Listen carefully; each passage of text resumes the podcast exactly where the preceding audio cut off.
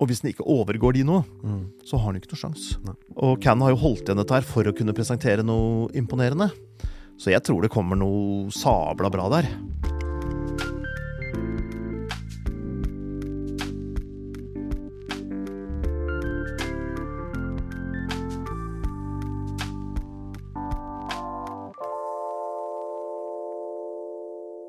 Velkommen og godt nyttår, kjære lyttere, kjære seere.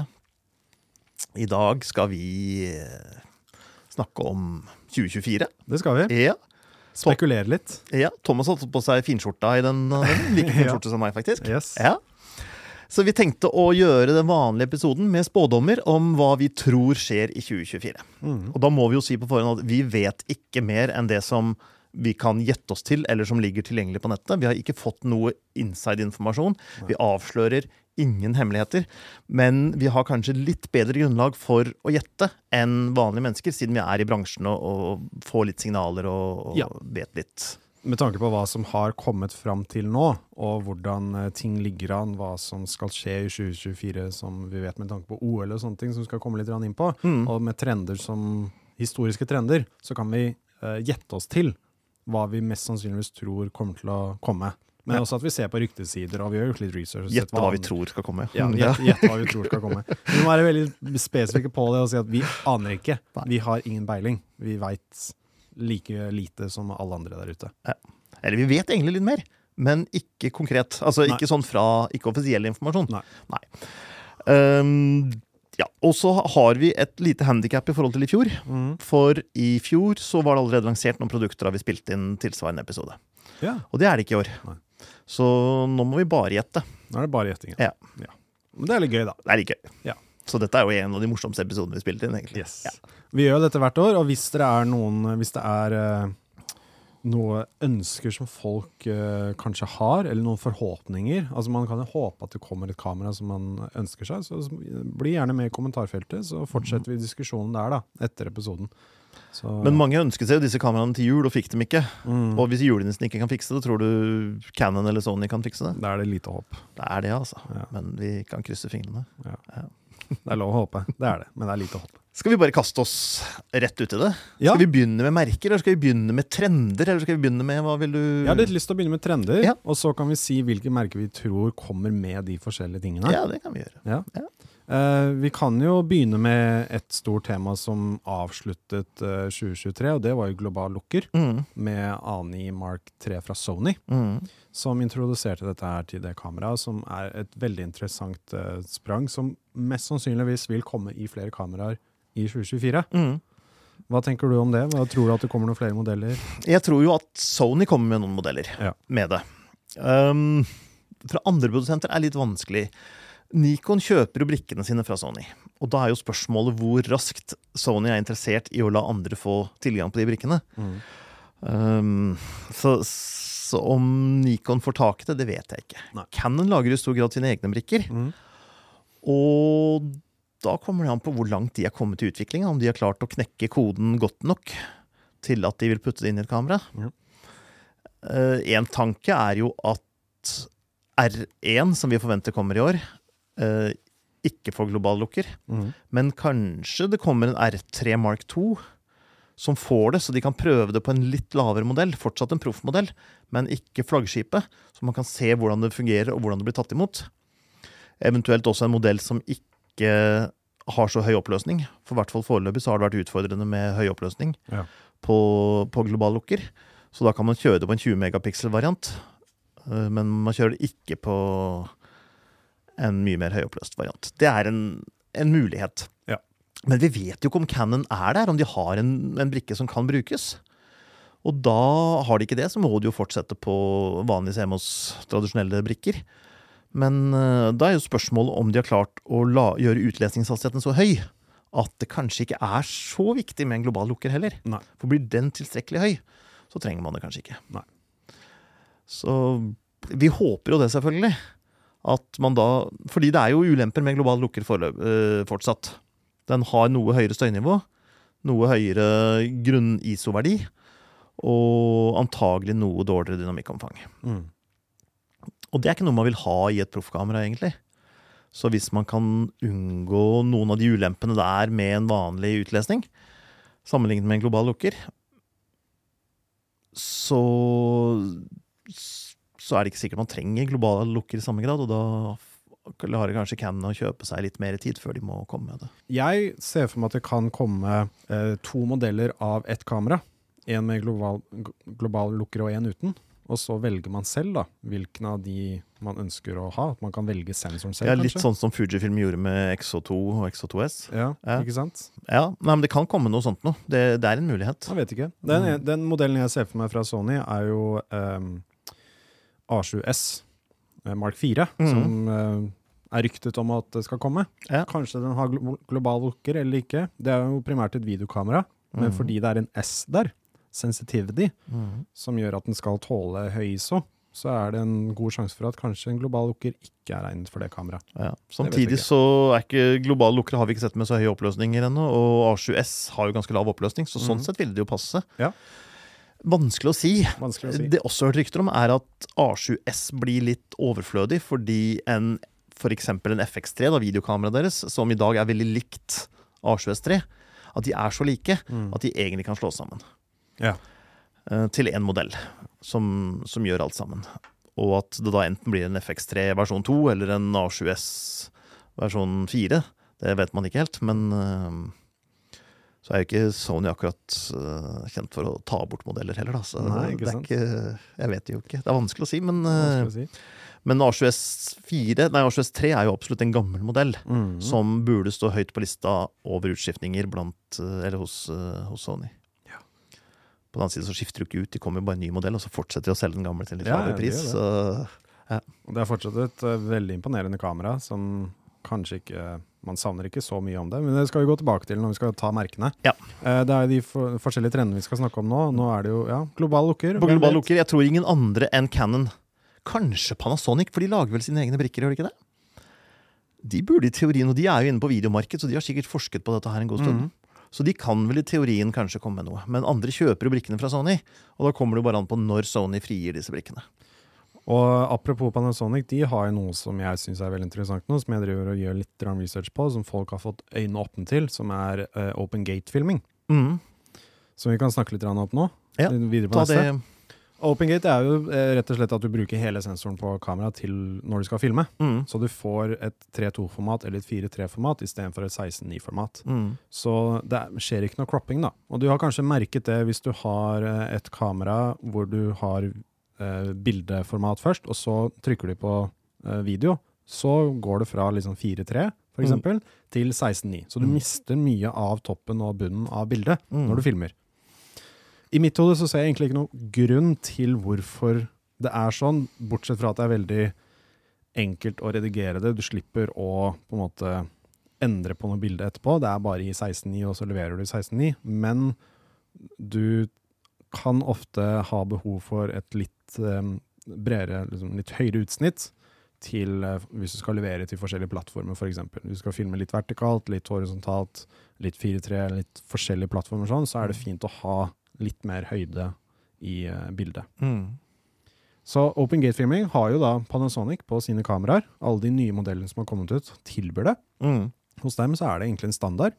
Og det er jo mest designet for at du skal ha forskjellige objektiver, sånn anamorfiske objektiver f.eks. på, som strekker bildet litt, og da må det på en måte komprimeres sånn at det gjøres sånn at du passer 100 da. Mm. Men folk har fått øynene åpne for det til eh, eh, sosiale mediefilming. Så når du skal levere til mange forskjellige formater, men du vil ikke snu kameraet 90 grader, filme to ganger, du vil ikke filme vertikalt, du skal bare filme alt én gang, og så levere til mange forskjellige plattformer. Og da bruker man OpenGate til det, da. Mm. GoPro benytter seg vel av det, for de har vel en sånn 8-7-formatbrikke. Ja. Som du da nesten like godt kan eh, Nettopp. ta Så, vertikal filming uten å måtte snu ja. så en GoPro-sensor nå er jo så å si kvadratisk. Mm. Nesten kvadratisk, så det er ikke noe vits å snu eh, GoPro-kameraet når du skal filme vertikalt. Du Nei. får et veldig bredt og fint utsnitt uansett. Mm.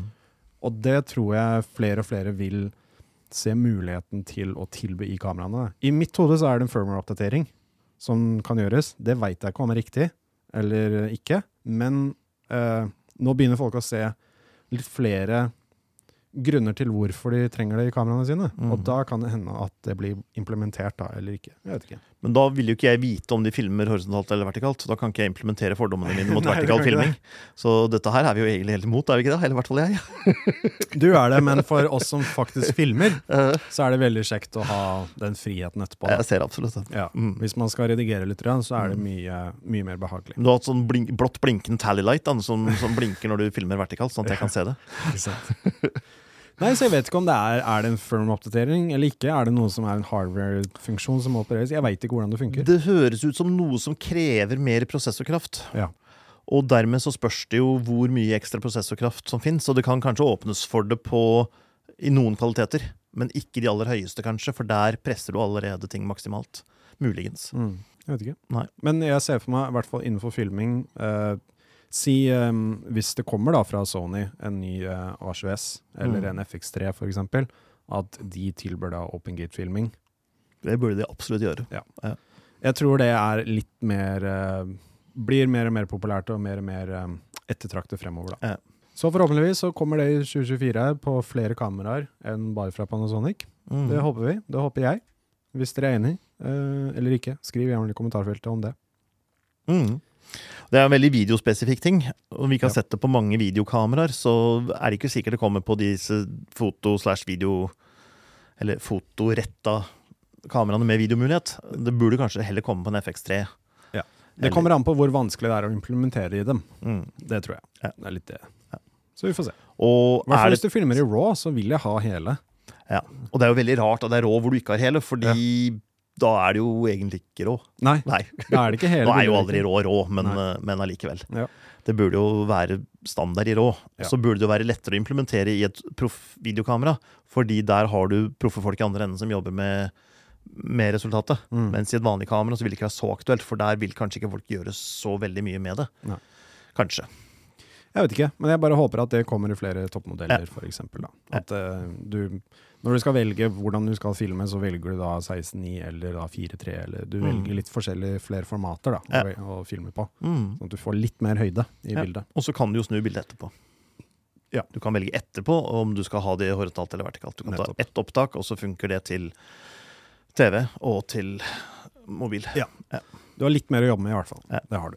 Så jeg håper at det kommer. Det hadde vært veldig deilig for oss som å filme til alle forskjellige plattformer hele tiden. Og det er jo ikke verden at du har et menyvalg om du vil ha Open Gate eller om du vil ha 16.9, og da Nei, er det jo ikke noe ulempe å ha det. Så Nei, derfor så er det klart vi vil ha det. Du mister ingenting. Nei. Sånn som med eh, global lukker. Du Mm. mister ikke dynamisk omfang Nei. med det. Nei. Så hvorfor ikke? Helt enig. Bra. Det vil vi ha. Mm. Hørte dere det, Sony? Canon, Panasonic. Ja takk. Ja. Har du andre trender du vil snakke om? Det er jo AI, da. Som er Ja. liksom den store, store elefanten i rommet. Ja, Den er ikke helt elefanten i rommet, for det, det snakkes ganske mye om den. Ja, det er, Ja. Det er sant. Um, ja, og det har jo vært i kameraer ganske lenge. Mm. Um, på ulike måter. På autofokus, ikke minst. På gjenkjenning av ansikter og dyr og fly og motorsykler og ting. Og det blir nok mer og mer. Spørsmålet er jo hvor mye det blir av andre ting utover det. Altså Det går an å putte inn veldig mye der. Du kan uh, ta et måneskinnsbilde på en måneløs natt hvis du bare får menyvalg for det. Mm. Og du kan selvfølgelig drive støyfjerning, men alt dette krever jo ganske mye prosessorkraft. Mm. Og spørsmålet er om det er relevant å tappe kamerabatteriet for den strømmen på noe som du egentlig like godt kan gjøre på PC-en etterpå. Mm. Tror du det vil komme sånn at det blir en smartere eh, alternativ for, med tanke på eh, automatisk justering av f.eks. lukkertid og blender, med tanke på hva du tar bilder av? Så hvis du tar bilde av ting i bevegelse, da, Mm. så klarer han å gjenkjenne hvor fort den ting beveger seg. En fugl, f.eks. Mm. Hvor fort den beveger seg, og hvor lukkeren din må være for at den, den fuglen skal fryse For at du skal fryse bevegelsen, Mm. f.eks. Ja, Det høres ut som en kjempesmart funksjon. Ja. Og så vil alle proffene si nei, nei, det der er bare tull, det er bare for amatører. For vi andre har lært oss hva vi må stille inn på, eh, og er helt motstandere av at vanlige dødelige skal slippe å måtte lære seg det. Og så blir det som i alle andre automatiske funksjoner som har kommet, at alle tar det til seg og tenker der er nok en ting jeg slipper å tenke på. Ja, ikke sant? For det er veldig forskjell på om du tar bilde av en fugl på litt stor avstand eller på kort avstand, eller det er en liten fugl som flakser fort med vingene, eller en stor fugl som gjør det langsomt. Hva du trenger av lukkehastighet. Ja. Og da slippe å tenke på det, slippe å stille inn på det, og slippe å bomme på det, Mm. er veldig, veldig kjekt. Også at den registrerer dybden på det du tar bilder av, og anerkjenner hvor, hvor um, blenderåpningen må være for at du skal ha hele objektivet i fokus, f.eks. Det kan også være noe. Jeg vet ikke. Ja, det kan jo være, men da vil du jo, hvis du også skal stille lukkertida og sånn, så vil du jo da ende opp med at det kun er ISO-verdien Som justeres. som kan endre eksponeringa, Ja. som da fører til støy. Og Men da- hvis du har eh, støyfjerning, hvis du har støyfjerning, Så så, spiller det rolle, spiller det kanskje ingen rolle. så kanskje det skjer. Jeg vet ikke. Mm. Jeg tror det høres litt for smart ut for akkurat nå. Jeg tror ikke ikke det er 2024, nei. Nei. Men at eh, i hvert fall at eh, autofokus blir mye mer til å stole på. Mm. enn da, det er allerede veldig til å stole på, føler jeg, men at det blir mye mer, det er egentlig ganske sikkert. Mm. Det, det er jo ganske overbevist om, og, og veldig mye av dette her er jo prosesseringskraft. Ja. Og den er jo formidabel i forhold til hva den var for noen år siden, og kommer til å bare fortsette å, å øke. Så, så det der blir gøy. Og nå begynner jo noen kameraer. Sony har jo kamera med egen sånn KI-chip som gjør alle de tingene. Så de putter inn en ekstra som ikke belaster autofokusen og, og lysmåling og alle de tingene som også krever veldig mye når du skal ta fem dusin bilder i sekundet og, og gjøre lysmåling og autofokus mellom hver av dem.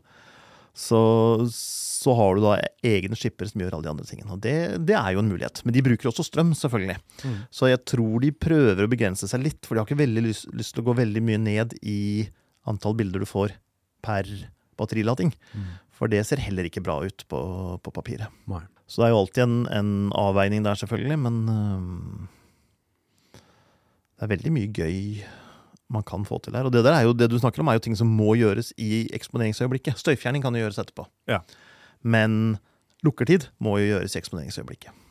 Det får du ikke gjort etterpå, så det Nei. kan være lurt å putte inn. Mhm. Kanskje det kommer, kanskje ikke. Ja. Men én ting som jeg absolutt føler burde komme i kameraet nå, nå er det absolutt på tide, det er eh, intern trådløs connection med Bluetooth. Sin kamera har Bluetooth. Jeg vil ikke bare koble til headsetet mitt, Bluetooth-headsetet mitt, AirPodsene mine. Jeg vil også koble til mikrofoner, som begynner å komme i noen kameraer nå, Mm. hvor du ikke trenger en mottaker på kamera som tar imot signaler fra mikrofonene. Det er Bluetooth connection i kamera som tar den imot fra eh, mikrofonene. Mm. Det burde komme i alle kameraer nå med en gang. Nå er det på tide. Eh, Ja. Det minner litt om den ranten vi hadde i fjor om, Ja, eh, Og om Syver nevnte dette her, og jeg er Ja. helt enig. i han. Det, liksom, det burde være på tide at det er liksom i alle kameraer nå. Men vi hadde jo en rant også om tilkobling til mobiltelefon, Ja, som også også. bare er fjas. Ja, ja. Så Men det må, det må bare bli implementert nå. Nå er det på tide. det er det, altså. Ja. Og i hvert fall Sony, Ja. som driver med datamaskiner og nettverk og alt mulig sånne ting. De burde kunne sånne Mm. elementære ting. Og de hadde solgt så mange flere mobiler hvis mobilen til Sony hadde vært automatisk koblet til kameraet ditt. Og Mm. de er på en måte De holder kontakt hele tiden Mm. når de er innenfor rekkevidde med hverandre. Og du får bildene automatisk overført på telefonen med en gang. Uten Mm. at du trenger å gjøre noe som helst. Mm. Bare sånn Sånn som en Apple Watch og en iPhone, f.eks. Nå er ikke jeg veldig tilhenger av at du må ha samme for at det skal funke, men, eh, men det er jo ofte sånn. Men de hadde solgt flere mobiler hvis de hadde hatt et lukket system med sin telefon og sitt eh, kamera. Ja, de hadde nok det. Fordi Um, det er jo, De fleste har jo iPhones, til og med de som jobber i Sony har jo iPhones. ja. Jeg sier det høyt her, men det er jo sant. Uh, og de hadde solgt flere mobiler hvis det hadde vært en mulighet. 100 Men de, kan bare, de, de trenger ikke å dele det. Det er ikke noe, det er ikke noe must, det. Nei. Men de hadde solgt flere mobiler. Mm, det kan godt være. Og sikkert flere kameraer, fordi det er en jævlig smart funksjon. Veldig. Mm, ja, det vil vi ha. Det er jeg tilhenger av. Mm. Ja. Og jeg tror det er muligheter, flere muligheter til å faktisk uh, bruke iPhone din nå, fordi nå har jo iPhone USB-C Mm, på de nyeste telefonene. mm. Da er det bare en liten USB-C-kabel fra kamera til telefonen, som gjør at du kan bruke telefonen som en monitor f.eks., og til å overføre bilder veldig raskt, og gjøre alle disse tingene Mm, bare ved en liten kabel. mm. Så det burde være nå mulighet for at alle disse tingene som gjør at man bruker mobilen mye oftere enn man bruker kamera Ja. Dette Mm. burde skje. Ja.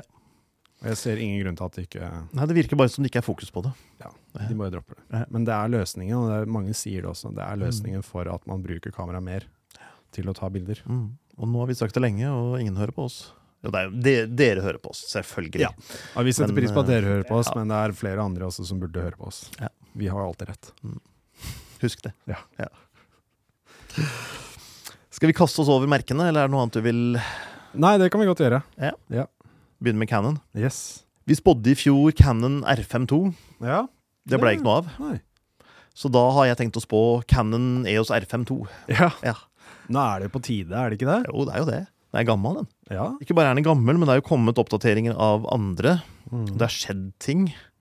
Autofokusen var helt fantastisk da den kom. Den er ikke så fantastisk lenger. Den er fortsatt selvfølgelig veldig bra, men det finnes ting som er bedre. Og det syns jeg ikke Canon skal ha sittende på seg. Så de må se å få en, eh, en EOS R52, Ja. rett og slett. Absolutt. Hva den skal inneholde, har jeg ikke tenkt så veldig mye på, egentlig. Men uh, Det er på tide. det er på tide. Det er det. Finn på noe. Finn Ja. på noe lurt. Ja. Nei, men det bør jo, den bør jo ha Skal den ha 8K, så må kjøle ting være på plass. Rett og slett. Og det er kanskje lettere nå. Kanskje de har fått mer eh, energieffektive kretser og ting, som gjør at, du ikke blir, at det ikke blir så varmt. Og at du kan kjøre 8K bedre, og det var jo det store ankepunktet. Mm. Og de nyeste autofokussystemene osv. Så, videre. så er det mye å putte inn der, altså. Det er absolutt det. Ja. Men Canon har jo en del andre ting de bør komme med. Og det viktigste er jo R1. Mm. Og R1 sa vi jo klart fra for et år siden at den kom ikke i 2023, fordi den skulle komme til OL. Ja. Og i år er OL-år, hvis ikke det blir en pandemi. uh, så R1 er jeg ganske sikker på kommer i vår. Ja. Sånn at den er leveringsklar til OL. Mm. Hva blir det denne? Alt. Alt. Alt. Det blir jo selvfølgelig en veldig, veldig rask uh, skuddtakt. Jeg tror ikke det blir uh, 40-50 megapiksler. Der har de R5 Mark 2 som man venter på.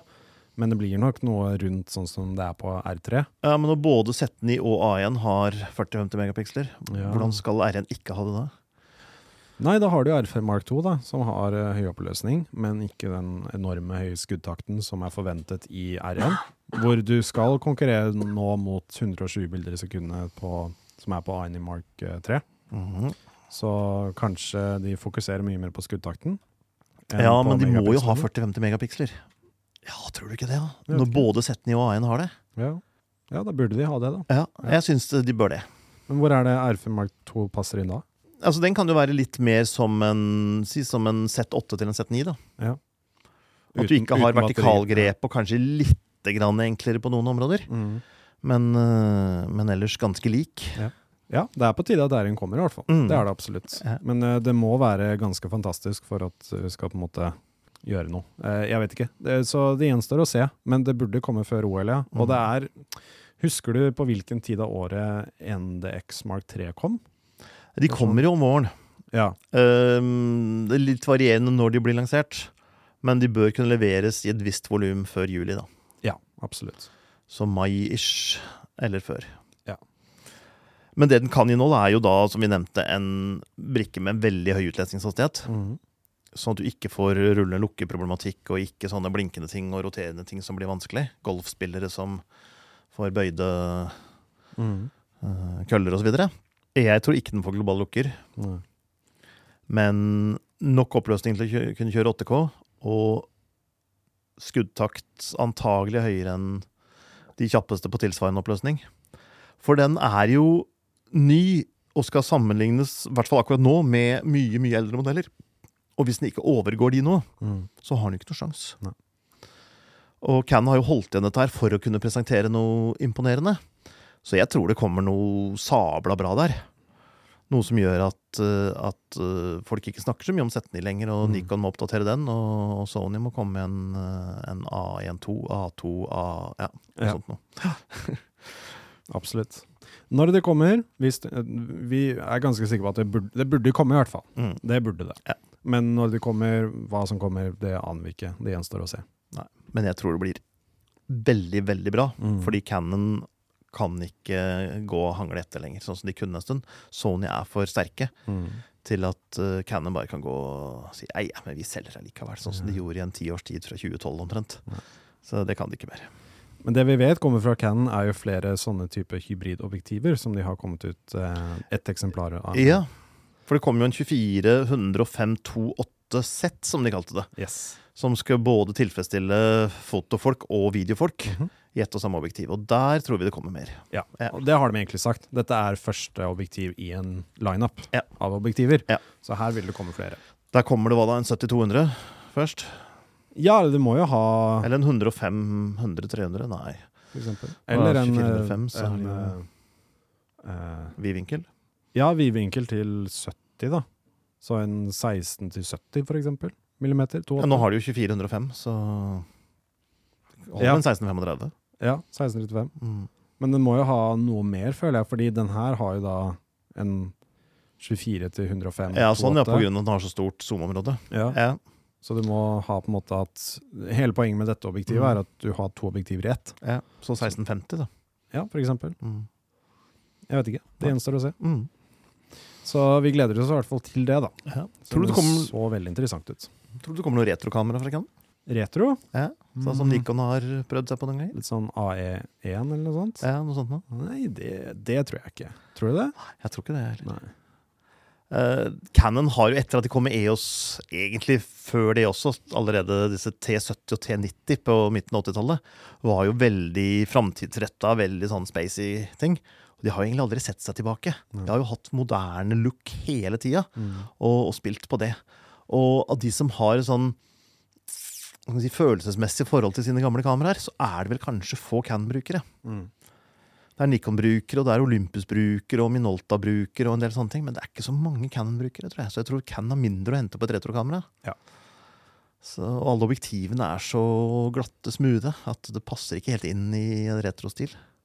Det gjør egentlig ikke det. Og det, det er jo som du sier, hvis du skal lansere et retrokamera, så burde du også ha objektiver som følger med. Mm. Og det å bruke Med tid, og ting. Ja, Ja. Og det å bruke tid og energi på det, det er egentlig ikke noe vits for dem, føler jeg. De er ikke der. Det er liksom, der er du mer Fujifilm eller Nikon, eksempel. Mm. Eh, mer på, på de kameraene der, Mm. for å få det. Enig. Så, Så jeg, nei, tror jeg ikke tror det, jeg tror ikke det kommer. Men jeg har Men, sett det, det har vært spekulert i det.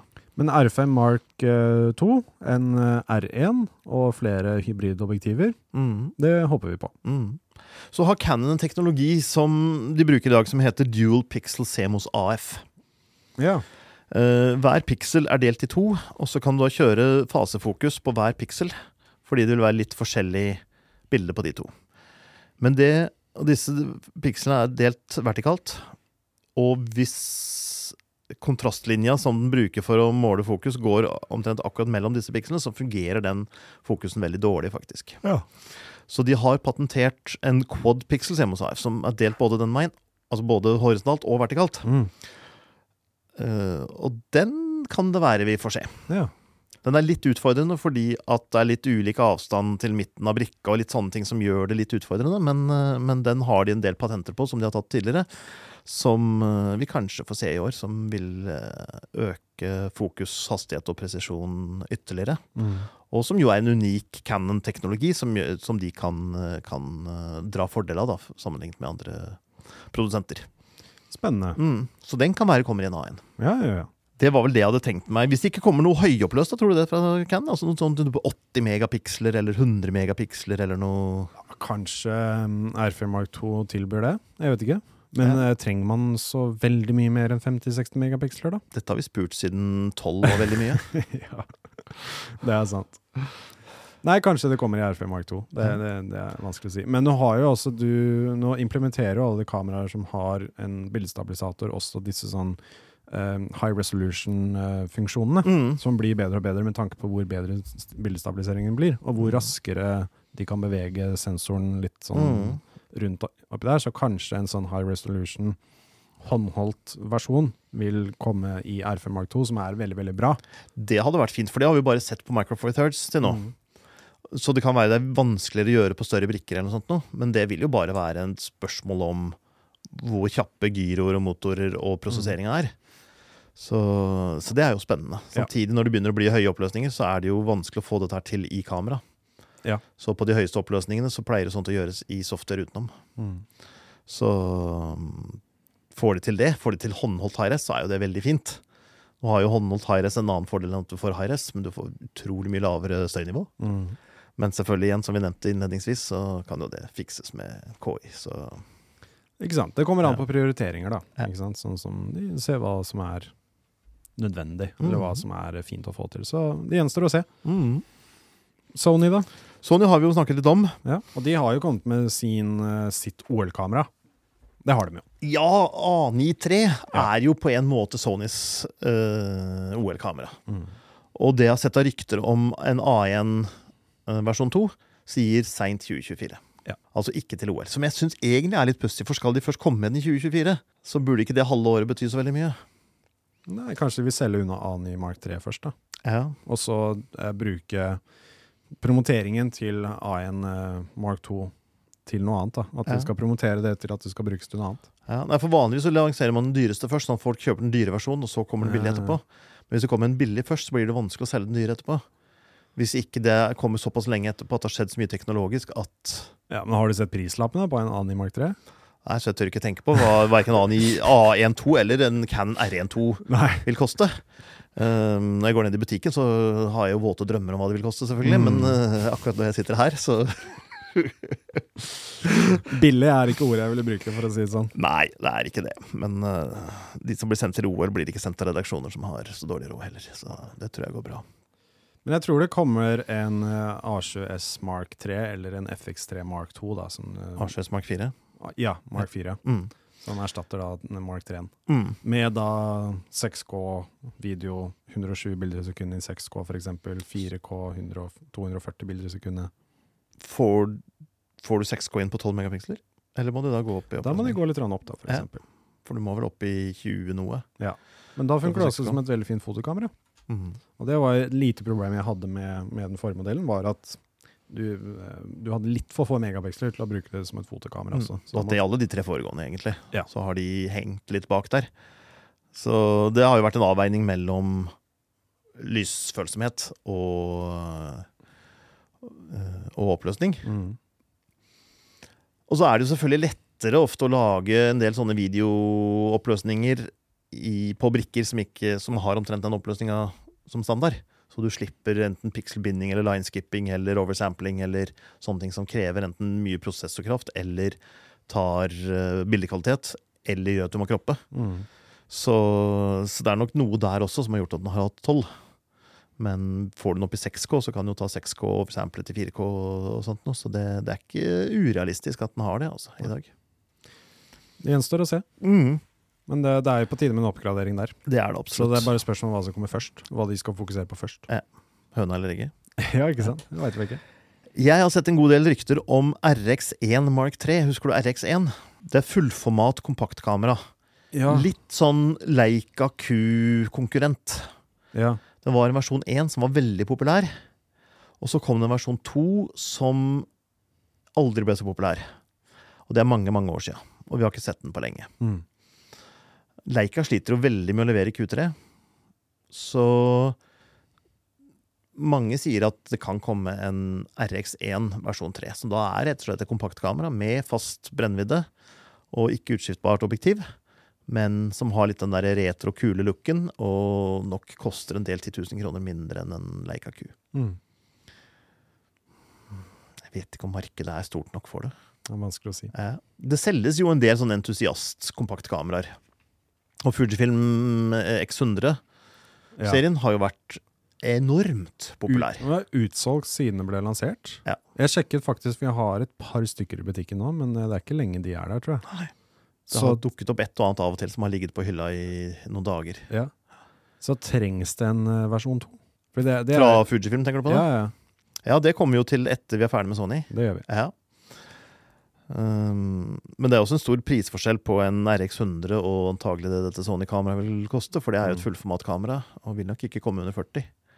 Så Nå har jo de lansert ganske mange av de forskjellige uh, De ZV-serien og de små modellene som er fullformatskameraer. Så om Mm. det kommer et til, om det er rom for det, som du sier, det er jeg litt usikker på. Ja, for det her har en litt annen funksjon. Da. Det skal være kult og litt lommevennlig og litt Ja, sånn, ja. Ja. Men hvis du skal betale 40 000 kroner for et kompaktkamera, Mm. er det ikke da bedre å gå opp litt til å få en ekte Leica, liksom? Jo, det er et godt poeng. Så, jeg vet ikke. Det er vanskelig å si. Og så kommer det sikkert noen ZV-modeller. Kommer alltid noen ZV-modeller. Ja, ja. Ja. De kommer ut hele tida. Ja. Jeg vet ikke hvilke, men det kommer noen. Ja. Jeg har ikke sånn kontroll på de lenger. ZV E10-2 Nei, ZV, Ja, ja. hva er det de heter? det blir så mange betegnelser etter hvert. Men, men disse vloggekameraene, da. Ja, ja. Til Sony med eller uten utskiftbar optikk, de kommer det noen av. Så kommer det sikkert nye RX100. ja. Det er jo lenge siden det kom noen RX100. Mm. Trenger man noen nye RX100? Jeg vet ikke. Det er vanskelig å si. Hva tror du kommer inn nye, da? Hvis det skulle komme en ny en? Altså, det første som slår meg, er jo ny bildebrikke og ny prosessor. Ja. Det er ofte det de putter inn, som da gir bedre autofokus og bedre en del ting. Mm.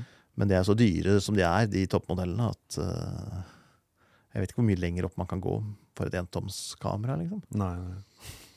Og det kommer jo ikke mange kompaktkameraer i den klassen lenger. Det er langt mellom de. Så jeg vil ikke, jeg vil ikke banna på det, altså. Men, eh, men ZV kommer det. Ja. det. Så vi kan gå videre på neste merke. Ja, Fujifilm. Og vi har jo allerede nevnt X100. Mm.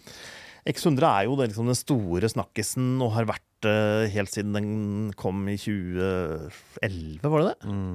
Den har ikke vært å få tak i. Den har til tider hatt bruktpris høyere enn nyprisen. Mhm. Hvorfor solgte ikke vi den brukte? Nei, vi hadde ingen å selge. Nei, det var derfor fikk Vi vi har jo ingen. Nei, Det er ikke mulig. Jeg var på venteliste for det kameraet i to måneder, tror jeg. To-tre måneder. Mm. Og det var ikke mulig å få tak i. Nei. Eh, Nå kommer jo selvfølgelig vi sist i køen på sånne ting. Når det er eh, ting som Ja, som ansatt, Ja. Mm. ja. Som ansatt. Det går alltid til kunden først, Mm. Men uh, det tok bare så lang tid før det var hyllevare, så jeg gikk for en XE4 istedenfor. Mm. Som er så å si det samme, egentlig. Bare at du kan bytte objektiver. Mm. Så har du den kule søkeren, og så er det ikke Ja, det liksom- så retrokult. Ja, det er liksom ikke så kult, Nei. på en måte. Men uh, et uh, mer eller mindre ganske likt kamera, da. Så jeg gikk for et annet et. Så når jeg så at det var hyllevare nå i butikken i stad, så var sånn, oh, kanskje liksom bytte, men Mm. nei. Det går til kunden først. Men det er et, som sagt, som du sier, veldig veldig populært kamera som har tatt helt av. Så om det faktisk er nødvendig å komme med en Mark 2, det veit jeg ikke. Ja, Men det er jo ikke fordi salgstallene er så sykt høye, det er fordi leveringstakten er så lav. Ja. Det er derfor det har vært så vanskelig å få tak i. Ja. Og da er jo spørsmålet hvorfor er leveringstakten så lav? Er det fordi de sliter med å få tak i en del, og kan de bygge en ny modell uten den delen? Ah, Som gjør at de da kan få opp leveringsvolumet ganske betraktelig. Så vil jo det være en stor fordel. For. Absolutt. og så er jo spørsmålet i hvilken grad de lenger har lyst til å produsere den gamle prosessoren. Mm. Nå som de har ny prosessor. Og hvis de ikke vil det, så kan det være lurt å komme med en ny modell med den nye prosessoren. Sånne ting kan jo være avgjørende. Og så lurer vi da på om de får plass til en bildestabilisator, og om de får plass til den nye bildebrikka. Det er ikke så stor plass nye bildebrikka, da, men det er jo spørsmålet om folk ønsker det. De kom jo med en XS20, som hadde den gamle eh, bildebrikka. Nye prosessoren, men den gamle bildebrikka. For de mente at den, det segmentet var ikke interessert i en stacked 26 megapixel-brikke, og de Mm. trengte ikke de 40 megapikselene. Det ville kreve mye mer enn egentlig ønskelig var. Så man fikk alle fordelene med den nye prosessoren, men man brukte den gamle bildebrikka. Så den gamle bildebrikka kjøper de jo fortsatt fra Sony. Så den kan de i teorien ha, men de kan jo også putte inn 40 megapiksler. Som det er i X5 og XT5 og, og XO2. Jeg håper de putter en 40 megapixel-brikke. Mm. Det er litt kult. Det er litt kult. Ja. Og når man driver, det er jo et kamera som brukes mye til gatefoto. Mm. Og når man tar gatefoto, så er det litt fort at noen føler seg fotografert, holdt jeg på å si. Når du tar bilde av folk, da kan du jo si, bomme litt på øh, Utsnittet. Bomme litt på utsnittet, og så Ja. kan du klippe det til etterpå når du Ja. har øh, mye å gå på. Og da, da tror jeg du har lettere jobb som, øh, som gatefotograf. I hvert fall med et sånt kamera som, har, eh, som ikke har utskiftbare objektiver. Du Mm. kan jo ikke zoome noe med den. Nei. Så da er det fint å ha litt mer megaveksler til å Ja, ha litt da, mer å gå på. absolutt. Så det tror jeg. Mm. Det er jo, jeg husker du sa et år hvor um, Fujifilm har forskjellig fokus. Annethvert år så fokuserer de på et uh, GFX eller på X. Ikke sant? Ja. Og nå var det jo GFX i 2023. De sa det, så det kom Et, ett kamera og to objektiver eller noe sånt. Ja. Men eh, det, det, var, det var fokuset. Ja. Det var ferdig. Mm. Og nå, nå er det den andre lineupen som er, står for for Jeg vet ikke hvor strengt det der er. Jeg kan godt tenke meg at hvis de finner ut at de må bytte ut mer, så bytter de ut mer. Og må de bytte ut mindre, så bytter de ut mindre. Ja. Og så bytter de ut det som er nødvendig å bytte ut. Helt uavhengig av hvilke år det er. Tror jeg. Og det gikk et rykte om at de ville komme med i hvert fall tre nye kameraer nå på vårparten. Så, og det er jo mye for Fujifilm å være. Mhm. Så XE5 det er jo en rimelig modell. Jeg liker det veldig godt. Ja. Jeg er veldig glad i det kameraet. Og det er jo et sted å få folk inn. Både den og XS20 og XS10 er jo kamera hvor det er folk, folk inn i systemet. Samtidig så ser man jo at de begynner å falle fra de i bånn. Mm. For flere av flere av de finner ut at nei, mobiltelefon er nok. Så det er, det, er, det er ikke så lett å si noe der heller, men jeg tror det kommer en XC5. Mm. For jeg tror den var populær nok. Og veldig grei å få folk inn i systemet på. Og liten og hendig og lommevennlig for de Ja, som vil ha noe smått og hendig og lommevennlig. Og, og mye av Fujifilms filosofi er jo det. At det skal være lett. Så setter du på en, et sånn pannekakeobjektiv på den, Mm. så har du en veldig kompakt liten sak som ut, yter veldig bra. altså. Absolutt. Absolutt. Så har det vært snakk om X Pro 4, for X Pro 3 er jo ganske mange år gammel. Mm. Det er på en måte deres veldig retro-stil-kamera. Ja, Du kan skru av absolutt all automatikk og bruke det som et analogkamera. ja På treeren så har du til og med skjermen bretta inn, Ja. så du kan flippe den ned. Ja. Men du kan ikke flippe den ut til sida som på vanlige flippskjermer. Men du kan brette den ned hvis du vil bruke skjermen, men du kan velge å ikke bruke den. Så standard setupet er uten skjerm også. Ja. Og Og da får du- bare sånn, det er bare sånn display som viser hvilken filmrull. Ja, du har jo sånn lite display bak der som kan vise faktisk hva slags filmemulering du, du Ja. har. Det er jo innmari kult for de som husker disse gamle analogkameraene. Ja. Hvor du tok lokket på filmesken og putta nedi for å vise hva slags film du hadde i kamera. Ikke sant? Og det kan du da ha digitalt på X Pro 3. Og det er jo Det er jo morsommere enn nyttig, Mm. men, øh, men det er jo kult, da. Det er det. Vi gjorde en sånn fotochallenge en gang, husker jeg. I, Mhm. I 2019, tror jeg det var. Hvor uh, vi brukte disse kameraene i en sånn type fotochallenge hvor du hadde kun 36 eksponeringer, tror jeg det var. Ja. Hvor du fikk eh, ti oppgaver, da. Ti ting du skulle ta bilde av. Og du skulle bruke Expro 3 som et analogkamera. Så du fikk ikke lov til å bruke digital søker, du fikk ikke lov til å bruke noen av disse tingene. Men Alt var 100% manuelt, da. Og det er veldig gøy noen ganger, da. Å låse seg selv litt, og gå litt tilbake. mm. Og tenke virkelig nøye gjennom hva du skal ta bilde av. Ja. Og det kan du gjøre med dette kameraet, da. Så det er litt gøy å leke med. Mm. Det er det. Det er absolutt det. Og du har jo den samme søkeren som X100, uh, som er en, en sånn rammesøker-sak, hvor du kan flippe inn en elektronisk hvis du Ja, ønsker det. så du kan bytte frem Ja. tilbake. Det er litt stilig. Og det er jo nyttig når du har utskiftbare objektiver, så er det jo nyttig å kunne gjøre det. For setter du på en 8 mm, så øh, funker det ikke med den, øh, den optiske. Nei. Så Eller hvis du setter på en 600 mm, så funker det også dårlig. Ja. Så, så det er greit å kunne. Så den, den er veldig fin. Men jeg tror likevel ikke det kommer. Jeg tror den ble for dyr i forhold til for det var folk følte de fikk. Jeg Ja. tror heller de, den gruppa gikk til X100. Ja. Tror jeg. Ja. Så jeg er litt tvilende til at det kommer en X Pro 4. Kommer det noe GFX, altså mellomformatsystemet? Det tror jeg ikke. Nei. Men uh, bakgrunnen til at jeg sier det, er uh, Da skulle det kommet i fjor. Ja. Det er litt sånn som jeg bare stoler på deg. Stoler på det du sa. Ja. At vi har liksom annethvert år, Ja. hvor du fokuserer på Ryktene der ute sier at det skal komme et GFX 100 S Mark 2. Ja. Og jeg trodde jo litt at den var bakt inn i GFX 100 Mark 2. ja. Men det kan jo være at det kommer en sånn si, billig versjon med kanskje en enklere bildestabilisator, eller kanskje helt uten bildestabilisator, eller et eller annet sånt for å presse prisene ytterligere ned. Altså, Mm. for å gjøre mellomformat enda mer tilgjengelig. Men øh, jeg Personlig så har jeg ikke så veldig stor tro på det, men det har vært ganske mye rykter om det der ute. Mm. Så, så det er jo mulig. Det jeg ønsker meg, er jo en I stedet for en X Pro 4, en GFX Pro. Ja. Altså en litt sånn hendig, kul mellomformatversjon Ja, ja. av X-Proen. ja. Eh, Gjerne med den hybridsøkeren. Men den kan ikke bli så klumpete som den første GFX 50R. For den var så stor og klumpete at den ble ikke kul nok. De må jo lage den smidigere. Eh, Og gjerne med en 16-bits prosessor. Og Får de til det, så, så syns jeg det er kult. Men det er mer sånn ønske enn en ren eh, forventning, altså. ja, ja. Det er det. Det er lov å ønske seg. Det er det. Hva med Nikon, da? Skal vi gå Å oh, ja. Nikon. Vi har ikke tatt Nikon. Nei. Nei, Nikon må vi ta. Ja.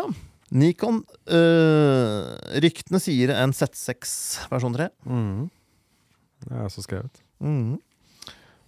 Igjen hva den skal inneholde, ikke sånn helt enkelt å si. Men øh, litt mer av alt. Og ikke noe sånn helt noe banebrytende teknologier, antagelig. Men en, en, noe rimeligere enn Z8. Men uh, likevel svært kapabelt, da, antagelig. Og det bør jo bli kjapt, og det bør jo bli flott i video osv. For det her er jo den lavoppløste varianten deres.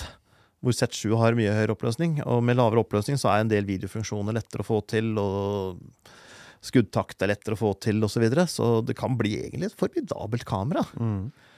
Men det kommer an på hvor mye de vil putte inn, for nå har de så mange modeller at de lett kan kannibalisere andre modeller. Og da Da er det litt vanskeligere å vite hva de putter inn, men Nikon pleier å være ganske offensive på det der, altså. Ja. Så jeg har jo tro på at det kan bli, kan bli litt kult. Så er det jo Z9, da. Og Z9 syns jeg er vanskelig. Mm. For Z9 er fortsatt Helt kanskje genialt. det aller beste som er der ute. Ja. Samtidig så er det jo ikke helt nytt lenger, og det kommer et OL. Så det, det føles kanskje som de må gjøre noe med det, men kan det være at det kan komme en, en eller annen spesialversjon, en høyoppløst versjon som går litt saktere, men har flere megapiksler, eller en eller annen Eller kanskje en bare veldig heavy firmware-oppdatering, Ja, for eksempel. ja. For å fortsette å selge det også. Ja, Hvis de klarer å optimalisere algoritmene sine, så Mhm. de får mer ut av den prosessorkraften de har, så kan det gjøres. Men hvis de algoritmene er såpass optimaliserte at det er vanskelig, så kan du få en og annen ny funksjon, men du får ikke forbedret så veldig mye det som er der. Det er litt tidlig med en ny setning. Mm. Eller en setning i versjon 2, da. Det, det syns jeg er litt for tidlig. Det, de kan ikke drive og, og oppdatere flaggskipet sitt annethvert år. Nei. Men det kan bli tøff konkurranse mot uh, A93, etter hvert A12 og R1. Det kan det. Mm. Fordi eh, Z9 kan jo ta 120 bilsekundene, den også, men du må veldig mye ned på Du må inn på JPEG, for eksempel. Mm. For, for, for det første må du inn på JPEG, og så må du også veldig mye ned i uh, kvaliteten. Mm. Så du får veldig små filer, men det er mulig. Mm. Og du får små filer som kan leveres ut med en gang. Mm. Ikke noe prosessering, ingenting. Men uh, kanskje med en firmware-oppdatering så er det mulig å gjøre noe med det. Jeg veit ikke. Det er vanskelig å si. Den har jo så høy oppløsning Ja. at uh, i teorien så kunne man se ja, Da måtte antagelig kroppe, da. Ja. Hvis den kroppa til en lavere oppløsning, Ja, så kunne du kjøre råfiler ut der. Ja. Ønsker man det? Ønsker man en kropp? Nå har du elektronisk søker, så du vil jo se utsnittet riktig. Men objektivene dine, i hvert fall vidvinkelobjektivene, vil jo ikke være så kule lenger. Nei, men det er sånn som på, på Animark 3, så er det bare en knapp du trykker på. Så Ja. går den over til 120 sekunder. Så kanskje Mm. du bare har det, da. Ja. At du bare har en knapp, så går den til 35 millimeter, og sånn cropper inn. Ja.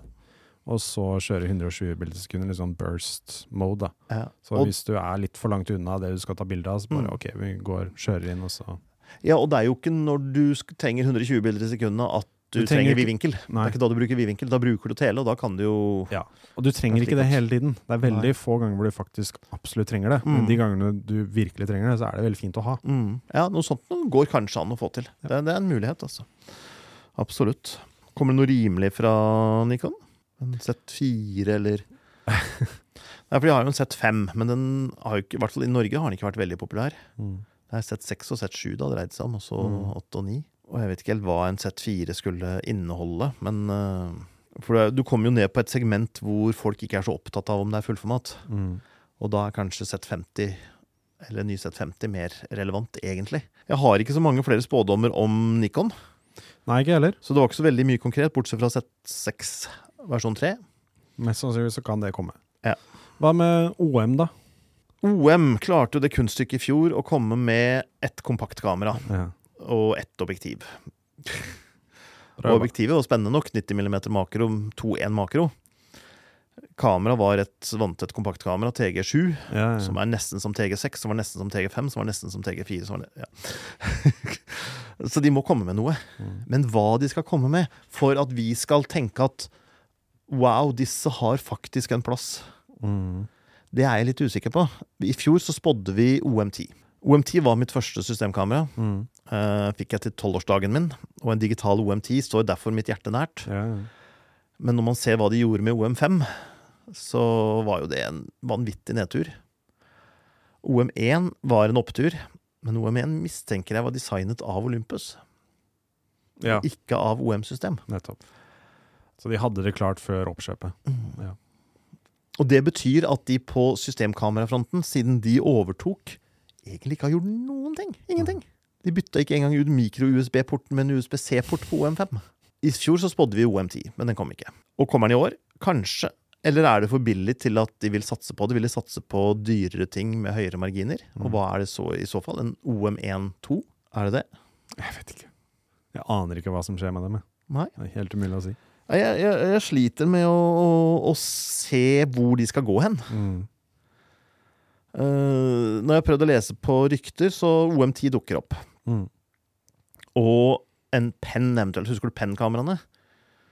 Det var som OMD-kameraene, men uten søker. Ja. Eller som de rimelige OMD-kameraene, Ja, men uten søker. I- Retta mye mot, uh, mot vloggere og Ja, bloggere og De var populære, de.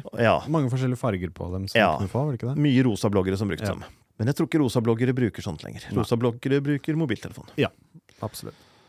Så var det snakk om en ny Pen F. Pen F var jo en sånn kul retromodell som de hadde, og som fikk veldig gode skussmål. Solgte ganske mye en stund, men det er gått ut for lenge siden. Og en ny Pen F, kanskje. Det er kanskje det beste eh, Beste stalltipset jeg har. Mm. For det er litt tidlig å bytte ut OM1. OM5 enda tidligere å bytte ut. OM10 tror jeg er litt for langt nede i prissegmentet. Og da må de enten finne på et eller annet imellom der. OM7. Eller så kan de jo si at nei, men OM1 er fin og flott, nå har vi bedre teknologi. Vi putter inn all den nye teknologien, og så lager vi en ny OM1. Det er mulig, det, altså. Ja, ja, absolutt. Du veit aldri. Nei. Du vet ikke. Du kan ikke vite det. Men, men øh, jeg er litt, jeg er litt bekymra for, øh, for dem for tida. Ja, ja, altså. For det De forsvinner veldig fort. De har ikke gjort hjemmeleksa si, altså. Nei. De har ikke det. Samtidig, de kjøpte altså hele kameraavdelingen til Olympus. Mm. Hvor i all verden skulle de gjøre det hvis de skulle lansere ett ferdig designa kamera? Ett som de bytta navnet på. Ett objektiv og et kompaktkamera. Og så skal de slutte? Det, det høres rart ut, det også. En business-deal som jeg litt Jeg skjønner meg ikke på. Nei, og jeg skjønner meg ikke på alle business-dealer, så jeg skal ikke si det for sikkert, men jeg syns jo det høres rart ut. Mm. Rar ting å bruke penger på. Kanskje vi skal ta Panasonic vi må først? ta Panasonic. Leica og Panasonic er jo jobber litt sammen Det gjør de. Og der tror jeg at det kommer et nytt felleskamera. fra Panasonic. Og Leica. Og Leica. Ja. Det vil antagelig hete SL3 fra Leica. Mm. Og så vil det sikkert hete S1 eller S1 et eller annet. SN2 eller SNR2 eller S1 et eller annet sånt noe Mm. fra Panasonic. For Panasonics flaggskipkamera kom i 2019. Ja. Det er i denne bransjen trollgammelt. Det er fem år gammelt. Og de kom ut med S1, Mm. SNR Mm. og SNH. Ja. Alle tre kameraer, når de kom ut, var utrolig imponerende. Mm. Bortsett fra autofokusen. Ja. Uh, bortsett fra det så var de veldig veldig fine alle tre. Uh, SNR var jo høyoppløsversjonen, og SNH var på en måte videofunksjonen. Som Mm. var mitt favorittkamera veldig lenge. Mm. Jeg brukte det veldig mye. Uh, og så uh, byttet jeg over til sånne pga. autofokusen, rett og slett. Det var, jeg hadde ingen som kunne fokusere kamera. Jeg filmet jo meg selv mye. Mm. Så det var veldig veldig bra kameraer, men som du sier, de er gamle. Og det er på tide nå, altså. Og jeg trodde jo i fjor at det skulle komme noe etter at eh, S5-2 kom. Ja. Så trodde jeg at S1-serien var eh, sto på trappene. Men det kom jo ikke i fjor. Så da tror jeg de kommer i år. Ja. Hva det blir, det vet jeg ikke. Um, jeg har diskutert litt med noen om de kan komme med ett som er både videoretta og fotoretta.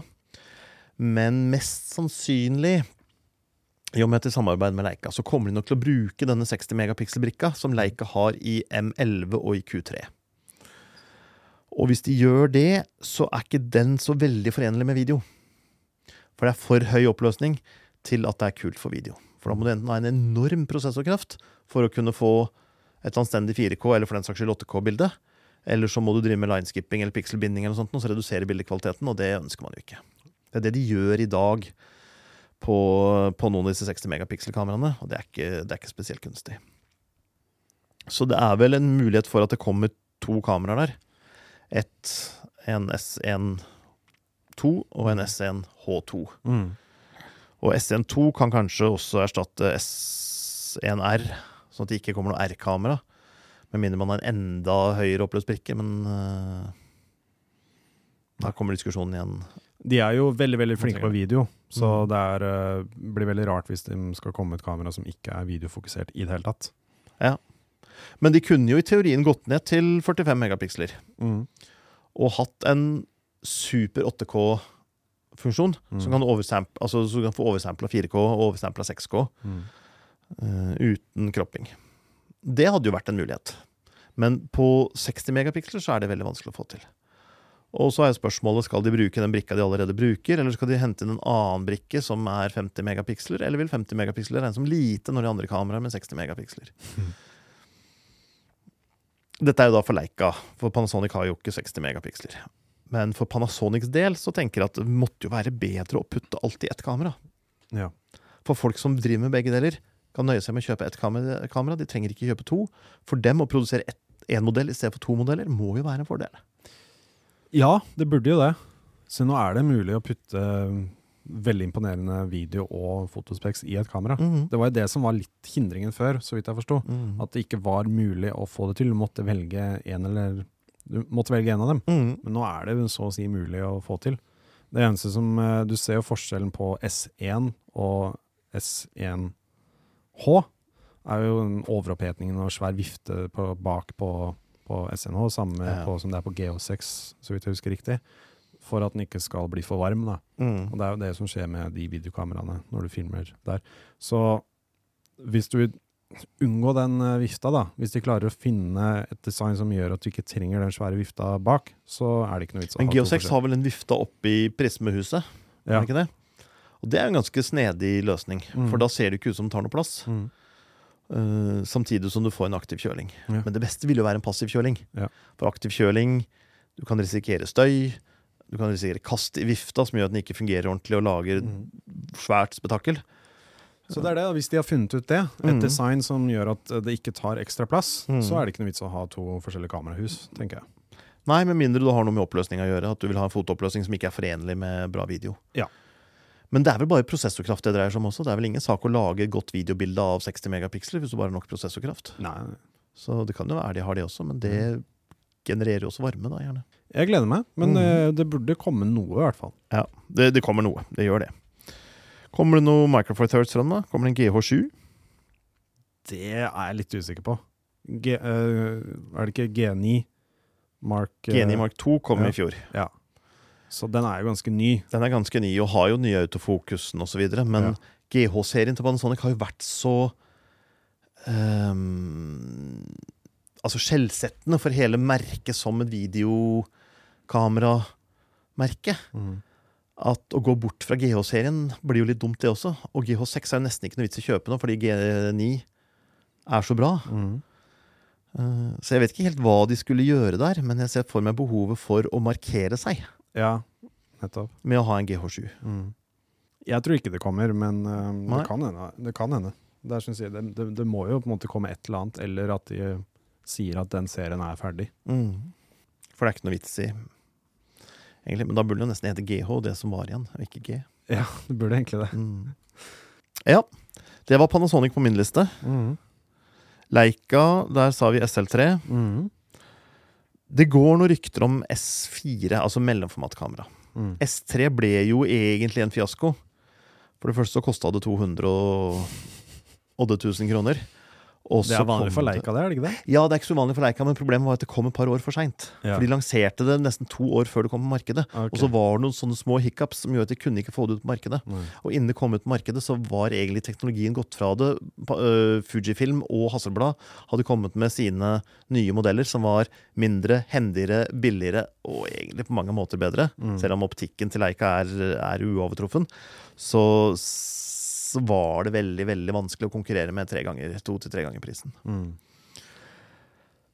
Så spørs, og det var det siste speilreflekskameraet fra Leica, det har de sagt. Så spørsmålet er om de kommer med en speilløs S4. Ja.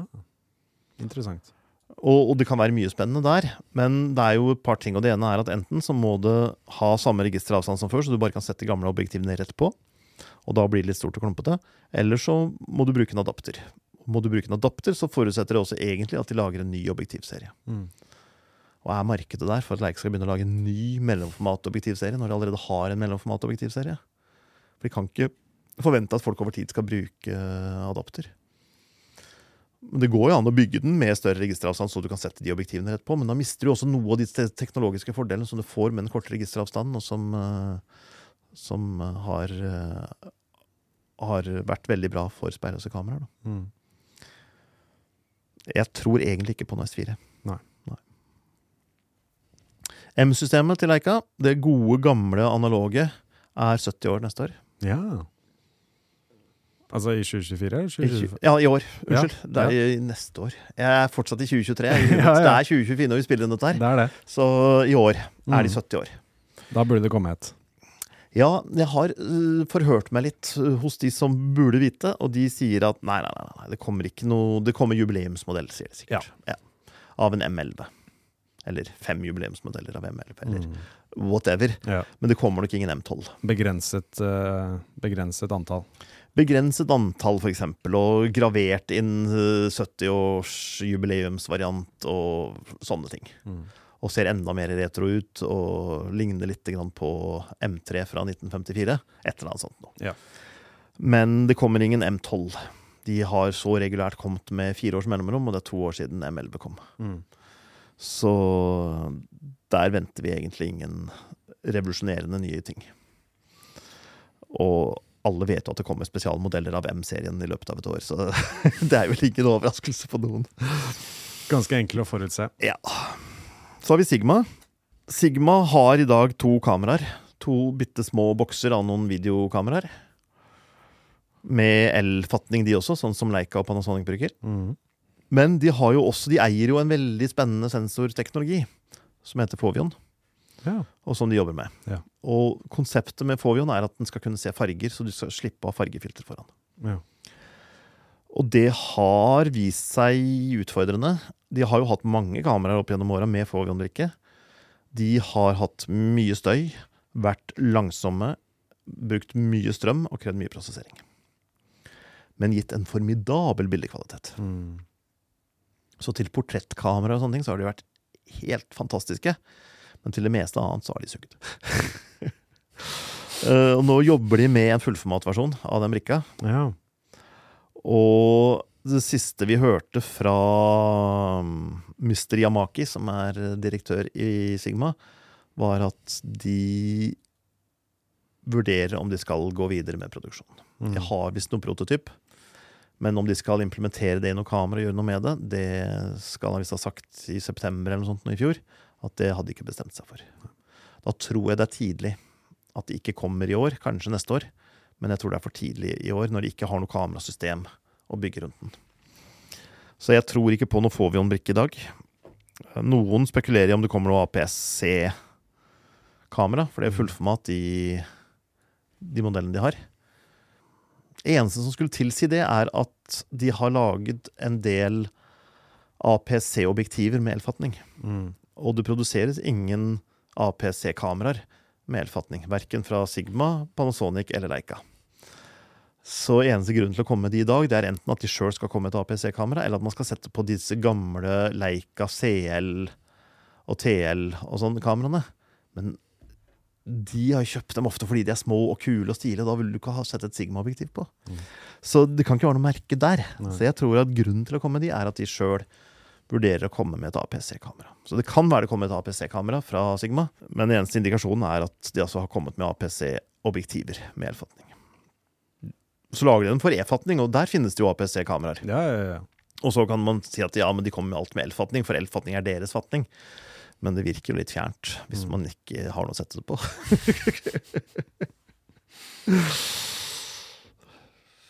ja, det var det jeg hadde om Sigma. ja. Har vi vært gjennom lista da? Vi har jo GoPro og DJI. Og Vi har alle ting, de, men- og så har jeg jo Rico stående her. Å ja, du har det, ja. Ja. Rico har jo én modell som selger bra, Rico GR3. Mhm. Um, ryktene går om en GR4. Og det går rykter om en GR3 monokrom. For Pentax ja. Rico er jo, altså Pentax er jo eid av Rico. Ja. Så det er samme Rico og Pentax er samme. Ja. Og Pentax kom jo med en, en monokrom, et monokromkamera i fjor. Ja. Å ta brikka der og putte inn i en Rico GR, og lage en GR monokrom, sånn som Leica lager en Q3 monokrom, Mm. Det hadde ikke vært så dumt, det, altså. Det Det er ikke kult. sikkert det er sannsynlig, men det hadde vært innmari kult. Ellers så er jo Ri- Rico Pentax nå de eneste som lager speilreflekskameraer. Mm. De kom med analogt kamera i fjor. Ja. Det kan være de kom med noen andre analoge modeller. det kan være de kom med en ny versjon av eh, K1, altså toppmodellen sin. K1 versjon 3. Som da er digitalkamera med fortsatt speilrefleks. Sjefen i Pentax eller Rico sa for noen år siden at bare vent, om noen år så kommer folk til å innse at speilrefleks var bedre, så de kommer til å gå tilbake til. Famous last words, Ja, spør du meg. Det gjenstår å se. Eh, Ja, jeg tror ikke helt på det, men en eh, GR4 eh, tror jeg nok på. Og kanskje en GR monokrom. Mm. Ja, Så har vi disse andre ja, som ikke egentlig er vanlige kameraer. Som DJI og sånn. Ja, men DJI gjør jo veldig mye software-ting som er interessant, da. Mm. De kommer med mikrofoner, og de kommer med, også med at eh, det er eh, innebygd trådløs eh, sendere i de forskjellige tingene. Sammen med mm, Insta360 også. Har jo alle implementert disse tingene, Mm. som jeg tror kan inspirere kameramerkene til å gjøre det samme hos dem. Ja. Det, det tror jeg. Samme GoPro også. Den nyeste GoProen som kom i 2023, var jo det at du kunne ha trådløse trådløse mikrofoner koblet til eh, GoProen. Som gjør også at du kan stemmestyre den når du, hvis du putter GoProen utafor bilen på panseret med sånn sugekopp og fester den der, Mm. så kan du ha en mikrofon på som styrer kameraet. Sånn at Ja. stemmestyringen funker mye bedre sånn. Ja. Da kan du bare si 'start recording', og så begynner den å gjøre opptak. Mm. På grunn av at du har det. Mm. Sånne ting kan Og- hende at det blir inspirert. Ja. Eh, Og trenger du ekstra beskyttelse, så du må ha det ekstra huset på, så kan du fortsatt da ha kameraer, nei, mikrofoner kobla til. Ja. Det kunne man jo ikke før uten å Nei. bore hull, og da forsvant mye av poenget. Så sånne type ting da, så det vil jo alltid komme et nytt GoPro-kamera. DJI kom med sine små kameraer, de Osmo Pocket, Osmo Action, alle disse her. Mm. Det vil komme mer og mer, men det, er mye, det jeg syns er interessant å se på dem, er ikke hardwaren på en måte, sånn, hvordan de er, men hva softwaren kan gjøre, hvor smarte de er, har Ja. blitt. Ja. Det syns jeg er veldig interessant, og jeg Mm. håper at det vil inspirere kameramerker til å på en måte implementere noe av det samme. Fordi da, da får folk faktisk testet det, og sett om det er kult å bruke, om det er bra å bruke, om det er nyttig i det hele tatt. Ja, og bare det å bli oppmerksom på at det er mulig. Ja. Og dermed så begynner de å kreve det. Nettopp. Og da er det større sjanse for at det kommer Yes. hos de andre også. Så det tror jeg er på en måte drivkraften som DJI og GoPro og sånt har da, med dette. her. Og det vil jo alltid komme nye droner. Det har kommet noen nye droneregler nå, så vidt jeg har forstått også. Så det kommer nye droner også. C-merkinga gjelder nå. Ja. Så det, men det er jo til en annen episode, egentlig. Ja. Men eh, det er, om ikke nye regler, så er det i hvert fall begynt å gjelde de reglene som ble satt for noen år Mm. siden, som det har vært midlertidig unntak fra, osv. Vi har en kommende episode i februar, mest sannsynligvis, hvor vi skal snakke om droner og et droneselskap og litt sånne ting. Så vi skal gå inn i det. Eh, men eh, det kan hende at det kan skje litt med droner også, droneregler og alt. Ja. Men vi tror det kommer nye droner i år, og vi tror det kommer nye actionkameraer i år. Det er det vi sier. Ja, Ja. Det, jeg, tror, jeg, jeg er ganske sikker på at jeg kan si at jeg tror det kommer. Ja. ja, er vi gjennom det? Jeg tror det, altså. Ja. Hvis vi har glemt noe, så gjerne kjeft på oss i kommentarfeltet. Eller be gentle, please. ja, vær så snill. Uh, det er jo det. Men det blir et spennende år uansett. 2024. Det gjør det, altså Oppgangstider eller nedgangstider. Disse produsentene de kommer og kommer og kommer med nye ting. Det er jo eneste måten de kan selge flere ting på. Ja. Så skap nye kunstige behov, Mhm. og skaff oss nye gadgets. Så klager ikke vi. Nei, Nei. Ikke, absolutt ikke. Det er det for denne gang. Skal vi takke for oss? Ja. Ja. Takk for alle som hørte på. Takk til dere som så på. Vi er tilbake om en uke, vi er ikke det? Det er vi. Ja. En ny spennende episode. Ja, følg med. Yes. Ha det bra.